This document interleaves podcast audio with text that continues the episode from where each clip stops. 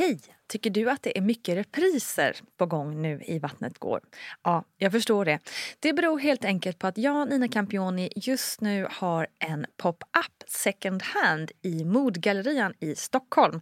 Så min tid räcker helt enkelt inte tid att göra så många avsnitt som jag hade önskat. Men tills jag är tillbaka på full tid, kom gärna och hälsa på mig i Modgallerian. Vi ses! Have catch yourself eating the same flavorless dinner three days in a row? Dreaming of something better? Well, HelloFresh is your guilt-free dream come true, baby. It's me, Gigi Palmer. Let's wake up those taste buds with hot, juicy pecan-crusted chicken or garlic butter shrimp scampi. Mm. Hello Fresh. Stop dreaming of all the delicious possibilities and dig in at HelloFresh.com. Let's get this dinner party started.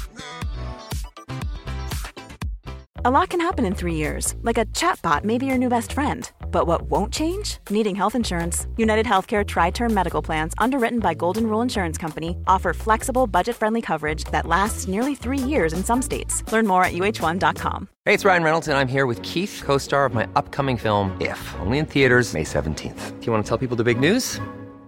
All right, I'll do it. Sign up now and you'll get unlimited for $15 a month in six months of Paramount Plus Essential Plan on us. Mintmobile.com slash switch. Upfront payment of $45 equivalent to $15 per month. Unlimited over 40 gigabytes per month. Face lower speeds. Videos at 480p. Active Mint customers by 531.24 get six months of Paramount Plus Essential Plan. Auto renews after six months. Offer ends May 31st, 2024. Separate Paramount Plus registration required. Terms and conditions apply if rated PG. Quality sleep is essential. That's why the Sleep Number Smart Bed is designed for your ever-evolving sleep needs. Need a bed that's firmer or softer on either side? Helps you sleep at a comfortable temperature? Sleep Number Smart Beds let you individualize your comfort so you sleep better together. JD Power ranks Sleep Number number 1 in customer satisfaction with mattresses purchased in-store. And now, save 50% on the Sleep Number limited edition Smart Bed for a limited time. For JD Power 2023 award information, visit jdpower.com/awards. Only at a Sleep Number store or sleepnumber.com.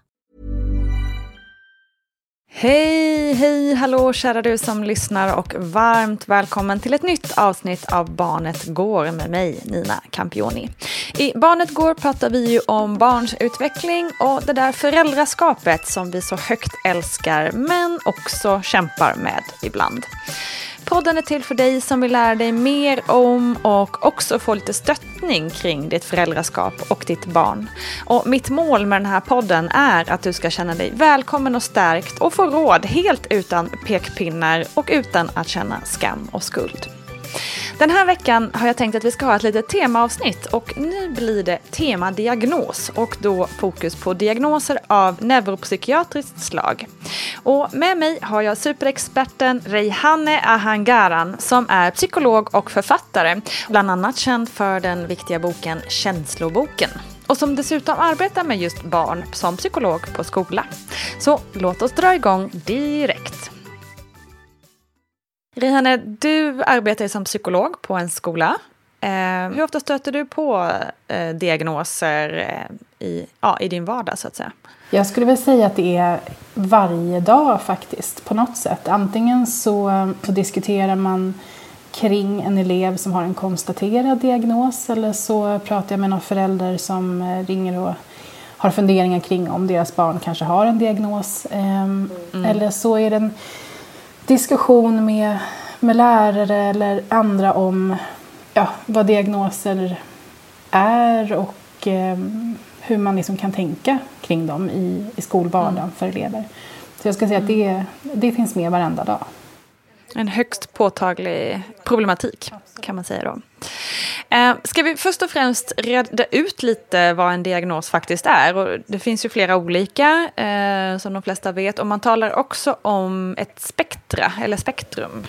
Mm, precis. Kan du reda ut det här lite för oss? Ja, om man tänker själva ordet diagnos, det är ju en diagnos är ett sammanfattande ord. Eh, ett mm. sammanfattande begrepp som innefattar en massa olika typer av symptom.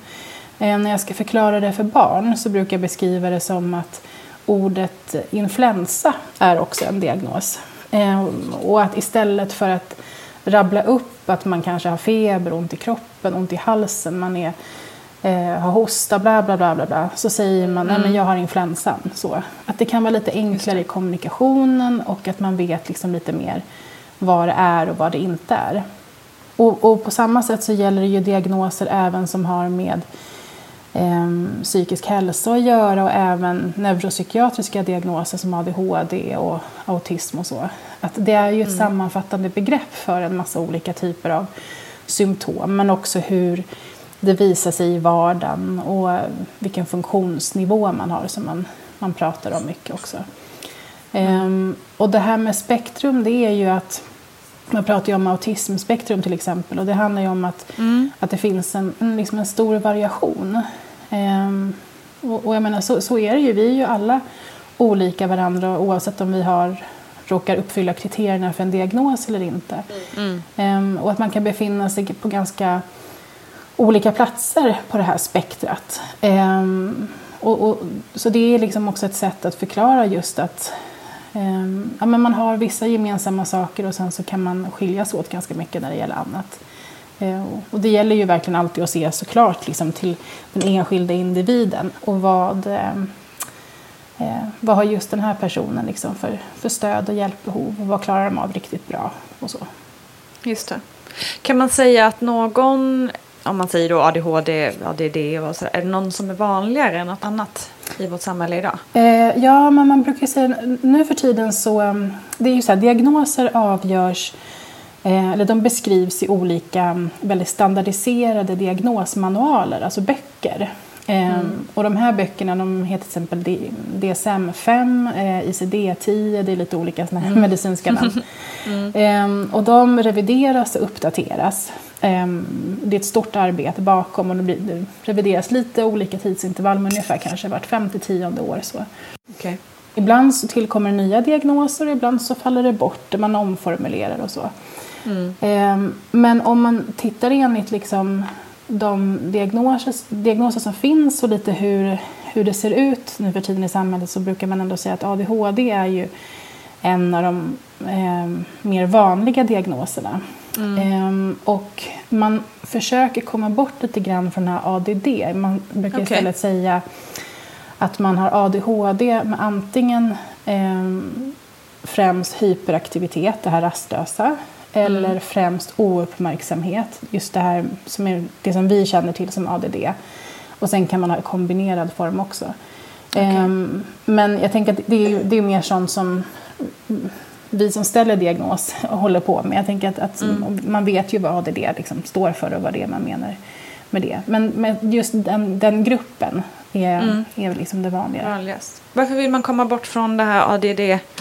Um, Bra fråga faktiskt. Jag tror att det är för att man ville liksom visa återigen att det också är ett, mer av ett spektrum. Liksom. Okay. Att, att man har ändå lite gemensamma svårigheter men sen kan det vara att eh, det är just mer av ouppmärksamhet eller det är mer av hyperaktivitet. Mm. Eller mm. just den här kombinationen, att man försöker liksom slå ihop det och visa att det här är ändå liksom samma grund eh, till de här svårigheterna. Och hur tidigt kan man börja tala om en viss diagnos för ett barn? Tänker du då en, en sån här neuropsykiatrisk eh, ja, diagnos? Precis. precis. Eh, ja, det där är, är lite knepigt faktiskt. Eh, för på ett sätt så, så, kan man börja tänka det relativt tidigt. Jag tänker att när man gör en utredning så så brukar läkaren eller psykologen intervjua föräldrarna. Man pratar väldigt mycket om att ja, men hur var det när ditt barn var liten bebis? Um, hur var när du hade honom i famnen? Var han följsam i kontakten? Hur var det med ögonkontakten? Hur utvecklades det? Mm. Um, hur sov han på nätterna och, och sånt? Um, så att man frågar ju efter en del grejer som faktiskt ibland kan vara tydliga under ja, men väldigt uh, väldigt ung ålder, liksom, i mm. under bebistiden. Um, men det händer ju aldrig att man utreder ett sånt litet barn för någon neuropsykiatrisk eh, funktionsnedsättning för att det, det är så mycket annat som pågår och så är det ju egentligen hela livet. Att både ADHD och autism, de symptomen som man visar i vardagen antingen så kan de vara väldigt självklara att de beror på en neuropsykiatrisk funktionsnedsättning. Men eh, de svårigheterna kan också bero på jättemånga andra saker som olika Mm. livsomständigheter. Om man, har, man, har man varit med om ett trauma? Mm. Har man eh, eh, inte fått tillräckligt med omvårdnad? Har man varit placerad i massor med olika familjehem? Alltså det, Just det finns så många olika saker. Så att, ehm, men också det att alla är ju alla är olika. Och jag tänker att ett kolikbarn som inte sover ehm, det finns ju ingenting som säger att det barnet inte kan sova för att de är uppvarvade och har ADHD utan just för att det var Nej, koliken. precis. Mm, Så att det, det krävs ju också tid för att man ska liksom kunna veta lite mer kring symptomen. Att är det här någonting som man skulle kunna tänka är neuropsykiatri eller inte? Ehm, autism brukar man kunna utreda lite tidigare om det är mer självklart. För att där finns det vissa drag som ibland kan vara... Eh, de kan inte riktigt alltid förklaras på ett annat sätt. Så, eh, om man liksom har undanröjt alla andra eventuella förklaringar. Ehm, så det kan ju ganska små barn bli utredda för. Eh, men ofta så är det ju när de börjar Förskolan kanske har gått där ett tag ehm, och man ser att ja, men det, det funkar inte riktigt lika lätt för dem som för deras jämnåriga. Det är ju mycket det, det. liksom, när, man, när man ser med samspelet med jämnåriga som man också kan se. Apropå det då, liksom, som förälder, vilka tecken ska man vara lite uppmärksam på, tycker du? Jag tycker inte att man ska gå och leta symptom. Däremot så tycker jag att man kan vara öppen liksom, och, och, inför att om man märker att det är så att ens barn ehm, kanske har lite svårt med vissa saker så kan ju det ibland antingen orsaka väldigt stor oro eh, men ibland kan det också vara så att föräldrar slår ifrån sig det och säger att det är det är omgivningen som inte har kunnat anpassa. Och så kan det mycket väl vara också. Ehm, men, men jag tycker inte att man ehm, ska gå leta utan mer vara lite öppen och så. Sen kan det ju vara så att om man har en liten oro så kan man ju också fråga andra vuxna runt omkring, till exempel pedagogerna på förskolan. Att, säga, ja, men, att vi hemma, vi funderar lite grann på att skulle det här att, så vi tycker kanske att hon är lite dålig på att ta social kontakt. Så där, att, Vad säger ni? Och så kan Mm. Just man få liksom lite input från dem. Så. Mm. Mm. Ehm, men jag tänker att det handlar mycket om ja, men någon slags egen mm, liksom, intuition. Att om man Mm. känner att nej men det är någonting som inte riktigt funkar. Eller att man märker att det blir, det blir bekymmer i vardagen. Just det. Ehm, om man tänker att nej, men vi skulle behöva lite hjälp med det här. Ibland kan det ju räcka med att man som förälder går och pratar med någon. ehm, bara för att få, själv få lite tips på hur man kan hjälpa sitt barn. Och sen så märker man att det funkar jättebra och så blev det inget mer med det. Just det. Ehm, men att, ehm, ja, att vara lite öppen och, och just se på det här med vad, hur, hur blir det i vardagen. Hur Mm. jobbigt blir det i vardagen?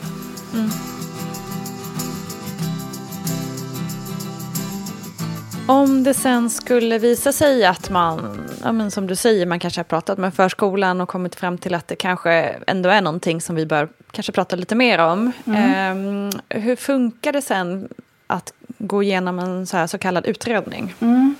Eh, när det gäller just gången från förskola, om man tänker ett sånt litet barn, då tror jag, om jag inte tänker helt fel, då, då brukar det oftast vara att det blir en remiss från BVC som går vidare. Eh, när det gäller skolan så är det ofta att man får en remiss från skolläkaren som går vidare.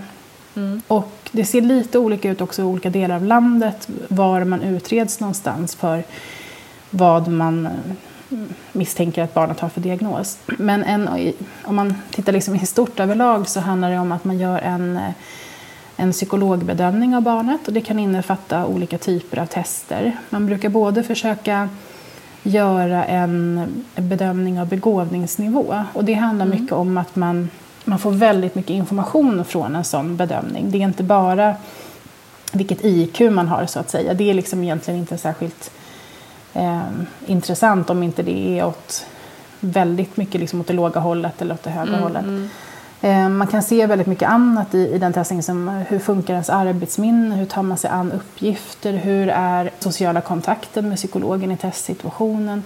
Det ger massor med typer av information. Eh, och sen kan man också göra lite specifika test som mäter det här med koncentration och uppmärksamhet lite mer. Eh, det finns också tester som mäter ännu mer kring ömsesidighet, social turtagning och, och så.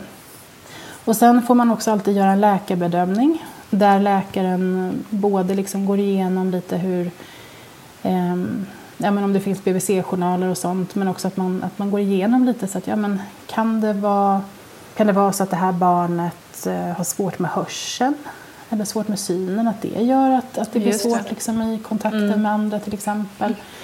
Eh, att man försöker att se att just, men kan det finnas någon medicinsk förklaring till mm. det här? Eller kan läkaren se att ja, men det, det finns skäl att eh, eh, utreda vidare för en kromosomavvikelse mm. som eh, kan vara bra att känna till till exempel. Och sen så brukar då antingen psykologen eller läkaren och ibland en kurator brukar ha samtal med föräldrarna när man går igenom väldigt mycket. Så att, ja, men hur har det varit sedan barnet var litet? Ehm, hur funkar det i vardagen för er nu? Man brukar ta in, information från förskola och skola eh, där man hör mycket om hur barnet funkar i det sammanhanget. Ehm, för att det är ju också ett kriterium för att få en diagnos. Det är ju att, att symptomen ska inte bara visa sig i en situation utan det ska ju Nej, vara någonting okay. som är genomgående i alla mm, mm. aspekter av livet. Sen kan det vara mer eller mindre av det. Mm. Och sen de som har varit inblandade i en utredning som diskuterar man tillsammans. Ehm, och så går man igenom väldigt noggrant och ser att är det här ehm, man har de här manualerna liksom med alla diagnoskriterier så checkar man av att är det här någonting som ryms inom den, liksom den här diagnosen. Kan vi sätta den diagnosen? Finns det andra förklaringar? Eller behöver vi göra något mer? Eller kan man säga till exempel att ja, det finns drag av det här men inte tillräckligt mm. för att sätta en diagnos. Um, och sen så sammanfattar man det här i ett utlåtande som man både får skriftligt som förälder och sen så ska man ju alltid få en muntlig återgivning också. Okej. Okay. Och så om man då, låt säga hypotetiskt sett, fått en diagnos, vi säger, vi fastställer att ditt barn har ADHD till mm. exempel. Vad händer då? Vad får man, liksom, får man automatiskt någon hjälp eller eh, ja, hur, vad funkar sen? Mm. Vad händer? Liksom? Nu, jag, absolut, jag bor i Stockholm och jag har jobbat inom barnpsykiatrin i Stockholm i tio år innan jag började jobba på skola. Så att jag är absolut bäst på det som erbjuds i Stockholm. Så det kan vara mm. på lite andra sätt i andra delar av landet. Men eh, det. I Stockholm så finns ett ADHD-center där man som förälder man kan anmäla sig dit och så får man tillgång till eh, en massa olika typer av föreläsningar som man kan gå på. Man kan bjuda in eh, sitt barns skolpersonal till föreläsningar också. Eh, det handlar ju mycket liksom om att, att omgivningen måste hitta sätt och strategier för att hjälpa mm. det här mm. barnet. Sen beroende lite grann på hur gammalt barnet är och så, så kan det också vara att barnet själv behöver lite ja, men lära sig lite knep och strategier för att det ska bli lättare i vardagen. Och då kan man få det på lite olika sätt. Att vissa kan få det via psykolog på det stället där man har utretts. Um, vissa kan få kontakt med habiliteringen, framförallt om man har autism. Så kan man uh, få träffa någon där. Det finns lite gruppverksamheter. Det här går lite, lite, ja, lite upp och ner. Utifrån uh, pandemitider eller mm, vad det nu kan vara. Liksom. Ja. Mm. och sen handlar det ju jättemycket om att se till just att, att skolan eh, anpassar så gott det går. Men det ska mm. man ju också komma ihåg att, att, eh, att innan en utredning blir aktuell så ska man ju ha provat väldigt mycket i skolan också. Okay, att man, man, man, ska liksom veta att eh, det får inte vara så att man aldrig har testat någon anpassning i skolan och sen får en ADHD-diagnos. Utan det, ska vara liksom att men vi har gjort ganska mycket men problemen kvarstår ändå lite. Så. Mm. Um, och sen så att, att, att man får liksom en, en lite ökad förståelse kring det. Mm. Sen så kan ju det vara, jag tänker har man ADHD och man har provat en massa anpassningar jättelänge eller så och att det inte riktigt räcker så finns det ju medicin man kan prova också. Mm. Um, har man autism så finns det ju ingen medicin som botar autismen. Um, däremot så kan man ju få och det gäller oavsett vilken diagnos man har, men man kan få det som man säger på psykologspråk så kallar man det för pålagringar. Och det är mm. mer att man får kanske en depression av att vet, fått veta att man har autism. Ja, okay. Eller att mm. man får jätte jättestor ångestproblematik för att man inte klarar av vissa situationer. Och då kan man behandla de symptomen så att det blir lite lättare i vardagen. Så att man Okej. kan få en antidepressiv medicin som, som hjälper till mot nedstämdheten eller mot ångesten. Men det tar ju inte bort liksom själva den neuropsykiatriska problematiken men det här andra omkring som stör. Just det, jag förstår.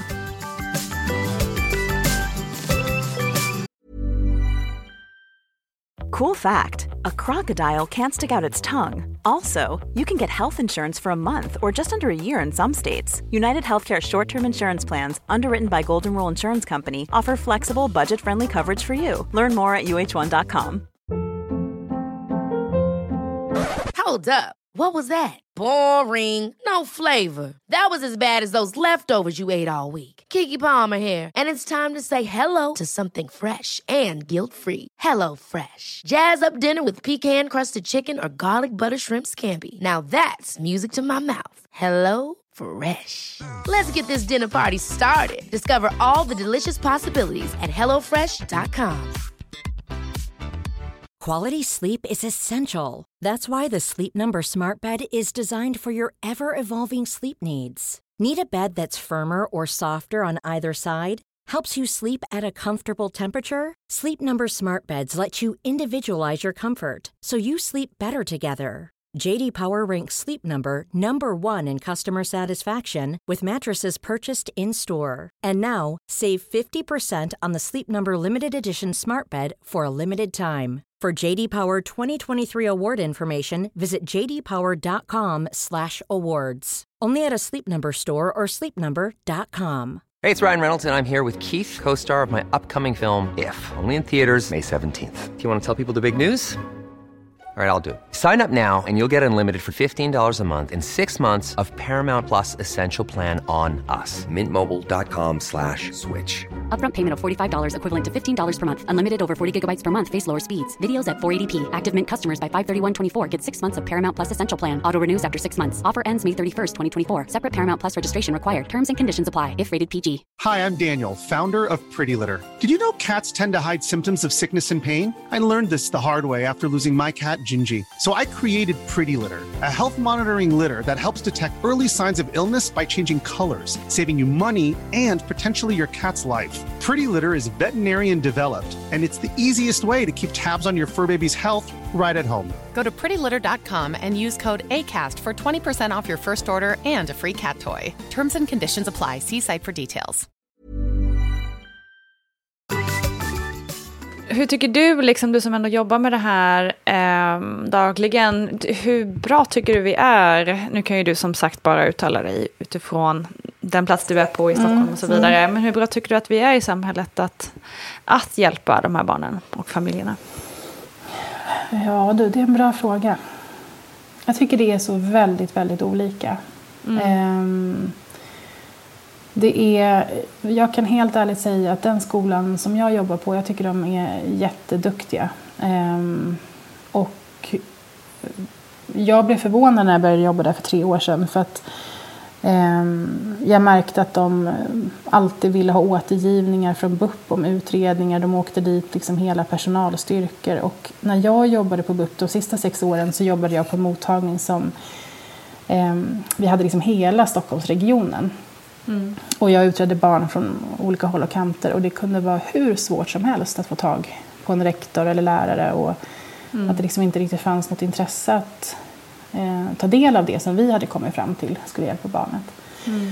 Ehm, så jag tänker att det är oerhört stor skillnad. Ehm, och sen så handlar det ju också mycket om att skolan har förändrats väldigt mycket eh, de senaste åren. Folkhälsomyndigheten kom ut med en, eh, en kartläggning precis innan pandemin slog till. Så den där kartläggningen drunknade lite grann i liksom annat i media. Men eh, man gick igenom lite varför den psykiska ohälsan har ökat i skolorna. Och, ehm, där kan man också tänka utifrån andra typer av diagnoser. Att varför, varför faller fler ut? Eller är det fler som föds med det? Eller hur- ja, hur ska man tänka? Men att det är mycket i skolan som är tuffare för barnen. Det är större klasser. Det, är, det finns liksom en annan typ av stress. Eh, skolpengen har förändrats. Det, det finns många liksom saker som, som gör att fler barn som har en neuropsykiatrisk problematik också får ett funktionshinder Mm. av det. För det är inte alltid helt säkert att man behöver ha ett funktionshinder i vardagen för att man har svårare med vissa saker. Men det är som att det är så många barn som faller ut nu för tiden för att deras behov av stöd går inte riktigt att uppfylla i skolan Mm. som det ser ut nu. Ja, skolvärlden. Eh, finns mycket vi kan prata om. Eh, när det finns förbättringspotential på många sätt. Men framförallt eh, kan verkligen relatera till det här med stora klasser och stora, stora skolor. Liksom. Ehm, själv uppvuxen eh, på landet där vi hade en, en skola på 56 elever. Det var, Oj. lite, det var Ja. lite lugnare. Ja, precis. Eh, så, ja. Men du, vi går tillbaka. Ehm, det här med att just få en ställd diagnos. ehm, på vilket sätt kan det hjälpa ett barn och en familj? Och kan det på något sätt även kanske stjälpa till och med att få en diagnos? Alltså, jag, jag tänker att en utredning ska man ju alltid göra liksom, för att man tänker att det är för barnets bästa. Och att det alltid ska vara en förhoppning om att, att både barnet själv ska kunna förstå sig själv lite bättre. Ehm, att säga, jaha, men det är därför det blir så tokigt för mig i de här situationerna. Och att, att jag försöker mitt bästa men det räcker inte. Och, och det handlar inte om att jag är en dålig människa utan det är att jag behöver träna på det här. Det är liksom de grejerna man vill åt. Och sen så också att, att eh, den vuxna omgivningen också ska, ska förstå barnet bättre och, och lära sig mer om vad är liksom eh, vad är överkrav men vad är också saker man kan utmana, att man inte behöver anpassa allt. Eh, Hitta liksom en mer, kanske ibland rätt nivå att lägga sig på i det där. Och sen såklart att man ska liksom få rätt till det stöd som man ska ha. Eh, sen just i skolan så ska man ju kunna få det stöd man behöver oavsett om man har diagnos eller inte. Men jag tänker på annat som LSS-insatser till exempel om man skulle behöva det. Och, eh, så så det handlar ju väldigt mycket om liksom just förståelse. Jag gör till exempel alltid eh, så barnanpassad återgivning. Att jag också liksom gör som ett eget utlåtande till barnen som jag utreder. Där jag liksom förklarar såklart på ett helt annat sätt liksom för dem. Men vad de eh, är bra på, vad de har svårare för och liksom hur man kan sammanfatta det och vad man kan göra åt det. Så väldigt mycket att få en att förstå sig själv bättre för då brukar man må lite bättre också. Det måste vara en lättnad för många. Ja, jag tänker precis. Jag. Mm. Ja. Och att det är många som kan tro liksom att det är något, men det är något fel på mig eller jag är sjuk eller liksom, ja så. Och det, det vill man ju eh, lyfta bort så. Sen det här med om det kan stjälpas och det, det kan det ju absolut. Det finns ju, det har blivit bättre skulle jag säga med åren men det finns ju fortfarande en del fördomar om det här med neuropsykiatriska svårigheter. Eh, Det finns folk som kanske känner en person som har fått en diagnos för tio år sedan och så tänker man att alla med den diagnosen är precis som Just den det. personen. Mm, just det. Ehm, och att det kan bli jobbigt för föräldrar att behöva förklara att nej, men mitt barn funkar så här och så här. Sen finns det ju, eh, det finns ju lite begränsningar i samhället utifrån det här med vilka jobb man kan söka till exempel sen när man är vuxen om man har olika diagnoser. Det, men det där är ju också något som är föränderligt och man har ju kommit nu med förslag om att eh, eh, till exempel ta bort eh, förbud mot att bli polis eh, Ja, just det. om man har en ADHD-diagnos. Så att Allt sånt där ändras ju liksom. Ehm, och sen så... Ja, men just att ibland kan det ju vara lite stigmatiserat. Att om man inte får det ordentligt förklarat för sig eller om man lever i en miljö där folk inte riktigt har koll så kan det ju faktiskt bli så att man tänker att ja, det var något riktigt stort fel på mig. eller jag var sjuk och nu fick jag det på papper. Men då handlar det ju om att, att, ehm, att vården då inte riktigt har, liksom, riktigt har lyckats nå fram. Nej, precis. Du, lite snabbt var vi inne på att det finns medicin också att eh, få hjälp med. Em, hur ser du på medicineringen? Det, för det är också någonting som är väldigt liksom, debatterat mycket. Att, vi, ja, att vi är generationen på piller och så vidare. Medicerar vi för lättvindigt, tycker du? eller inte? Nej, alltså till största delen så skulle jag säga att jag har ett, eh, ett stort förtroende för de läkare som hanterar den typen av medicineringar för barn. De, det är ju inte alla läkare som får göra det utan det, det ska ju vara liksom, då är man, ska man vara specialist på området. Mm, mm. Och det finns många fall där jag tänker att medicinering verkligen har eh, gjort oerhört stor skillnad för Mm. de patienter som jag har mött eller de elever som jag har mött i skolan. Ehm, Men däremot så tänker jag igen på det som jag nämnde tidigare att, att det kanske inte skulle vara lika många som skulle behöva medicinering om samhället såg annorlunda ut. Just det. Att de kanske inte skulle ha lika stort funktionshinder Mm. om skolan såg annorlunda ut eller Mm. eh, ja, hur det nu, liksom, hur det nu Mm. är runt om. Så, Ehm, så jag tror att en, en sån... När man tänker på att det är liksom en ökad medicinering så handlar ju också mycket om att det är fler barn som visar svårare symptom för att de inte riktigt eh, kan få det stödet som de skulle kunna behöva i, i vardagen. Mm. Så vad är Ehm, hönan och vad är ägget? Ja, sådär, men liksom. Vad beror det på? För att vi, ja, Precis. Ju- mm. Sen tänker jag också att medicinering är ju aldrig någonsin liksom ett första steg. Utan det, det kan man ju få...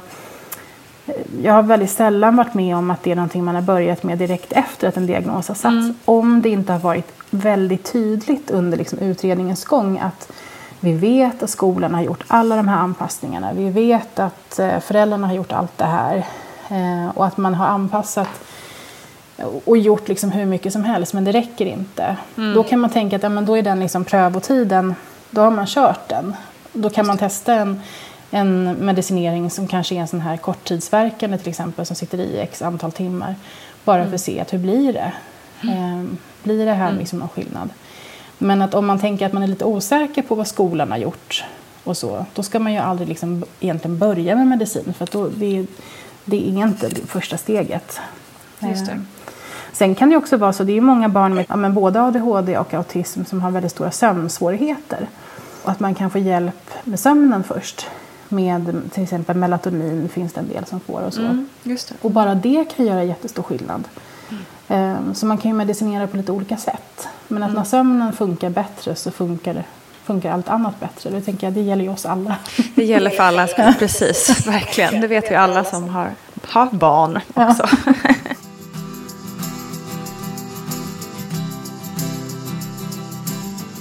Låt säga att man får en diagnos ADHD, säger vi, eh, som är utav den här delen på spektrat. Kommer den sen liksom vara konstant i mitt liv? Eller kan den alltså liksom röra sig på spektrat under livets gång? Liksom? Ehm, ja, men det är en jätteviktig fråga att ta upp faktiskt. För det, det är ju ofta som man kan få, få frågan om så här, ja, men nu har jag fått den här stämpeln på mig. Liksom. Ja. Kommer den alltid att finnas? Och så. Men det är ju så här att eh, framförallt det här med ADHD att, att eh, våra hjärnor utvecklas ju liksom hela livet. Och de, nu har man ju kommit fram till att hjärnan inte är färdigutvecklad förrän närmare 25-årsåldern egentligen. Och att det finns en, en teori om att, att det handlar om hjärnmognad. Att, att när man har symptom som ADHD, att det handlar om att de delarna i hjärnan som har hand om koncentration och de här exekutiva förmågorna, att de inte riktigt liksom är, lika utvecklade som de ska. Nu gör jag så här citationstecken i luften här, men som de ska vara i den åldern. Men att de har möjlighet att komma ikapp så. Ehm, så att det kan ju absolut förändras. Det kan både liksom vara att, att ehm, hjärnan utvecklas men också för att man faktiskt lär sig en massa strategier. Att man vet så här, nej men det här funkar för mig. Och ju äldre man blir desto lättare kan man ju också ha för att lära sig egna strategier som man kan ha koll på på egen hand. Så till slut så kan det ju vara så att man, man har en diagnos men den är inte särskilt märkbar i livet. Den är inte märkbar i vardagen. Men att skulle det bli så att man, att man plötsligt släpper på alla sina rutiner och sånt där, då kanske det skulle bli jättestora bekymmer. Eller går man igenom någon väldigt eh, livsomvälvande händelse så kanske det blir liksom väldigt påtagligt igen och så. Eh, ibland kan man ju verkligen eh, dock se att nej, men det kanske var eh, för många miljöfaktorer som spelade in när det här barnet fick en ADHD-diagnos. Så då kan man ju också faktiskt avskriva en diagnos. Så. Ja, Autism är ju lite mer ovanligt att man gör så med. Den, den brukar man tänka är lite mer eh, liksom konstant så. Men även där handlar det mycket om att lära sig strategier. För det här med hur gör man när man hälsar på folk och ser andra i ögonen och, och sånt. det. Mm. Ja, det, det kan se väldigt olika ut. Och vissa har, har svårt liksom hela livet. Okej. Om vi säger då att man har fått en eh, diagnos och liksom vi som familj eh, s- ställs inför, okej nu vet vi att så här är det. Eh, Vad är liksom det optimalaste sättet att handskas med eh, ett sånt liksom, besked framåt? Jag tänker att, ehm, att man ska ha liksom... Att det ska vara fritt från skam, fritt från skuld. Men att det är någonting man pratar om öppet. Ehm, att man pratar om det både utifrån vad som blir svårt. För att jag menar det är ändå det som är grunden för en diagnos. Men och också lyfta alla de här styrkorna som man vet att ens barn har.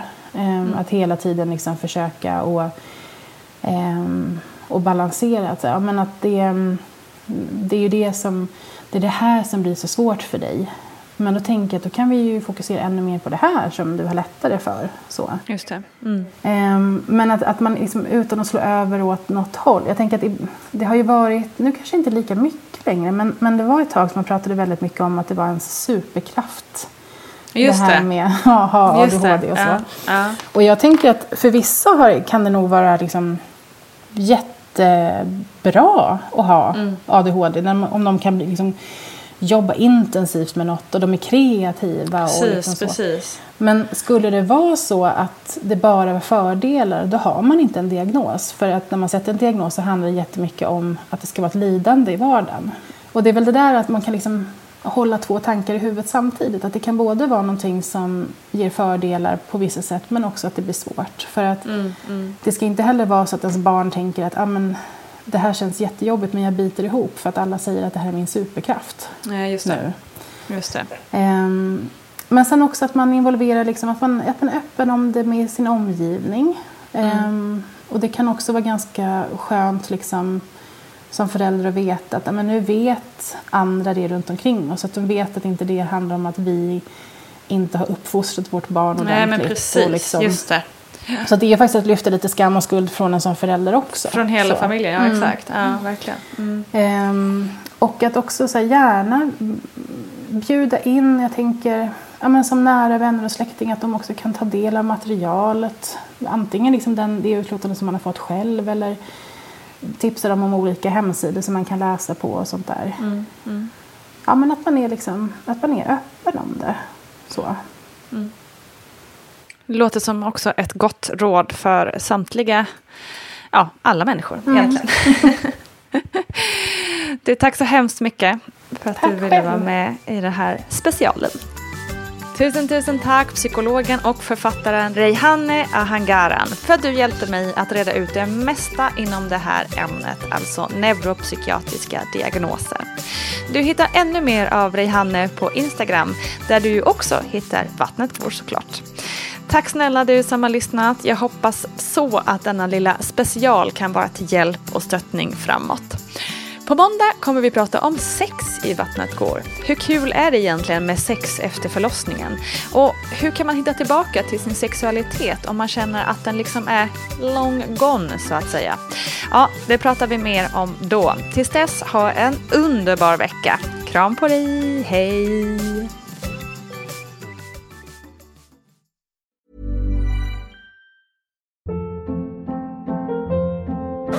Hold up. What was that? Boring. No flavor. That was as bad as those leftovers you ate all week. Kiki Palmer here, and it's time to say hello to something fresh and guilt-free. Hello Fresh. Jazz up dinner with pecan-crusted chicken or garlic butter shrimp scampi. Now that's music to my mouth. Hello Fresh. Let's get this dinner party started. Discover all the delicious possibilities at hellofresh.com.